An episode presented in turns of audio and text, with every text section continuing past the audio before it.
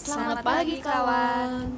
Bersama Ola yang akan menemani bincang-bincang kita hari ini selama kurang lebih 10 menit ya, 10 menitan ke depan. Ya, kali ini topik yang bakal Ola obrolin sama kawan-kawan We Radio itu soal tantangan wanita saat menstruasi.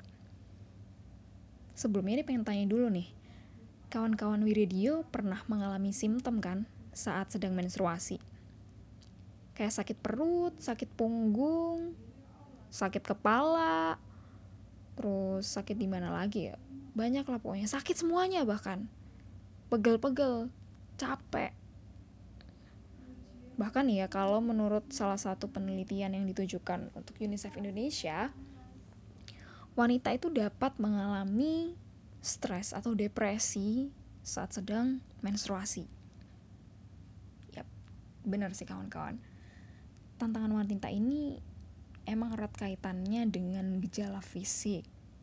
Tapi gejala fisik ini juga tentunya bisa mempengaruhi gejala psikologis atau kondisi psikologis dari perempuan ya. Tapi di sini Ola nggak pengen bahas soal keterhubungan antara keduanya sih tapi justru pengen ngajakin kawan-kawan semua buat sedikit mengingat kembali apa sih yang kita pikirkan tentang menstruasi. Apa sih yang ada di benak kawan-kawan semua soal menstruasi. Ini kan secara kawan-kawan semua ini kan mengalami menstruasi siklus ini selama setiap bulannya kan. Ya pasti mungkin bisa mengutarakan atau mungkin lebih mendefinisikan apa itu menstruasi. Apa coba? Sebuah siklus bulanan yang dialami setiap wanita yang khususnya yang sudah mengalami masa pubertas. Atau kita memahaminya sebagai hal alamiah atau kondisi biologis seorang wanita yang terjadi setiap bulannya sama aja sih secara teoritis memang seperti itu ya teman kawan-kawan tidak jauh dari itu tapi kawan-kawan perlu diketahui bahwa ternyata masih banyak kawan-kawan kita di sana yang masih keliru dalam mempersepsikan menstruasi. Kalau pengen ceritain soal penelitian dari apa ya, yang dilakukan secara gabungan oleh Burnett Institution, Survey Matter, Water at Australia, dan juga aliansi REM Aja Independen Indonesia. Yang di sini mereka melakukan survei di empat provinsi, tepatnya delapan kota di Indonesia. Apa aja itu kira-kira? Ada Trenggalek, Madiun, Selayar, Makassar, Bovendikul, Jayapura, Ngada, dan Kupang. Masing-masing provinsi yang terpilih ini diambil dua sampel nih ceritanya teman kawan-kawan. Jawa Timur diambil Madiun dan Trenggalek, Sulawesi diambil Makassar dan Selayar, daerah Papua diambil Jayapura dan Bovendikul, dan juga NTT Kota Ngada dan Kota Kupang. Yang cukup mengejutkan nih ya, terdapat 41% di antara 1038 responden yang percaya penuh kalau menstruasi itu harus dirahasiakan atau ditutup-tutupi. Kawan We Radio, ternyata bukan cuma tantangan fisik nih ya yang dialami kawan-kawan kita di sana tetapi ada hal yang lebih fundamental yang kerap menjadi tantangan bagi mereka. Apa itu?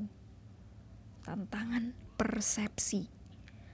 Persepsi yang keliru itu akhirnya juga bakal mempengaruhi wanita secara psikologis juga kan? Tapi pertanyaannya nih, sebenarnya kenapa sih mereka itu merahasiakan itu? Ya walaupun sebenarnya kita sebagai wanita juga tidak berniat untuk apa ya istilahnya mendemonstrasikan bahwasanya saat ini saya sedang haid sedang menstruasi. Tidak tidak kita tidak seperti itu atau kita tidak hendak melakukan itu. Tapi gini sih mengapa sih mereka sampai sebegitu takutnya kalau ketahuan sedang menstruasi? Kenapa nggak biasa aja gitu? Ternyata usut punya usut alasan yang paling dominan adalah takut dibully mereka mengaku akan mendapat ejekan kalau sampai ketahuan bocor kalau katanya salah satu siswi di Papua sih, orang-orang bakal ngegosipin dia kalau dia terlihat ada bercak darah di roknya dia ketika pulang sekolah, khususnya di rok seragam ya. Ketika dia jalan, dia bakal dilihatin, dipantengin oleh-oleh orang sekitarnya dia, entah itu teman-teman cowoknya, tapi paling banyak teman-teman cowoknya sih. Atau orang-orang sekitar, ih bocor, bocor dan sebagainya. Dan parahnya lagi, memang di sana teman-teman cewek yang memang sedang mengalami menstruasi dan bocor itu akan mendapatkan ejekan yang benar-benar sifatnya seperti ngebully gitu ya dan akhirnya juga bikin malu dan stres buat si teman-teman kita di sana. Bahkan teman-teman cowok itu justru malah bisa mengamati atau memperhatikan mana-mana teman-teman ceweknya dia yang sedang mengalami menstruasi. Dengan ciri-ciri apa? Yang pertama mungkin duduk terus. Gak mau ikut olahraga karena takut bocor sering bolak-balik ke kamar mandi ke toilet dan juga terlihat lelah capek. Itu udah tanda-tandanya orang menstruasi dan itu bakal jadi bahan bulian juga. Lu awas hati-hati. Bocor. Kan menstruasi kan awas hati-hati bocor bocor bocor kayak gitu. Apalagi kalau sampai ketahuan ada bercak darah di roknya. Malu banget deh pasti. Sedih gak sih sebenarnya siapa sih yang mau digituin?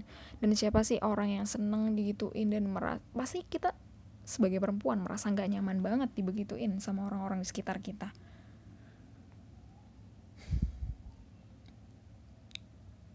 Itu salah satu hal yang membuat kawan-kawan kita di sana itu merasa takut. Bahkan ada yang sampai nggak mau masuk sekolah cuma gara-gara menstruasi karena takut dibully kalau bocor karena sakit semua dan lain sebagainya.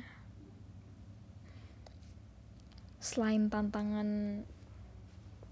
fisik dan psikologis ya teman-teman kawan-kawan tantangan selanjutnya adalah persoalan fasilitas menstrual hygiene.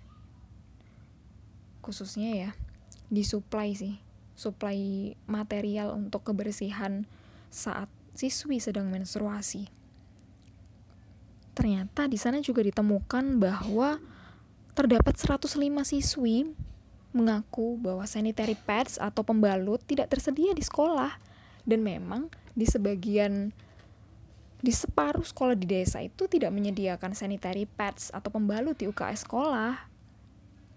Bahkan beberapa kawan kita di Indonesia Timur, contohnya NTT dan Papua, mengaku bahwa pembalut di sana, di sekolah mereka, dijual dengan harga yang mahal, dengan harga yang lebih mahal. Akhirnya mereka justru apa parah banget nih. Kasian banget, bikin miris. Justru mereka memilih untuk mendaur ulang pembalut mereka menurut salah satu siswi di SMA di Papua sana dia menceritakan bahwa mereka akan mencuci pembalut mereka dengan sabun buat menghemat uang sedih gak sih? Gak cuma sedih ya, tapi kesel banget sangat disayangkan banget nih ternyata edukasi buat sebagian wanita di negara kita masih kurang ternyata masih banyak kawan-kawan kita di sana yang berpendapat atau punya pemikiran demikian. Ditambah lagi perhatian lembaga pendidikan itu nggak mengondisikan mereka untuk menikmati fasilitas yang sebenarnya bisa mereka dapatkan secara gratis. Belum lagi soal bullying yang kerap menghantui mereka saat sedang menstruasi. Sekarang gini deh, coba kita tanya sama diri kita. Kita terusnya bersyukur banget dengan adanya fasilitas menstrual hygiene yang gampang banget didapetin Dan lantas apalagi alasan buat kita untuk gak menjaga kebersihan? Atau kita masih males-malesan? Padahal kesempatan buat melakukan lebih juga terbuka lebar. Kita bisa olahraga, kita bisa lebih produktif dan berkarya. Di sana boro-boro olahraga, justru malah masih takut mikirin ini bocor apa enggak nantinya.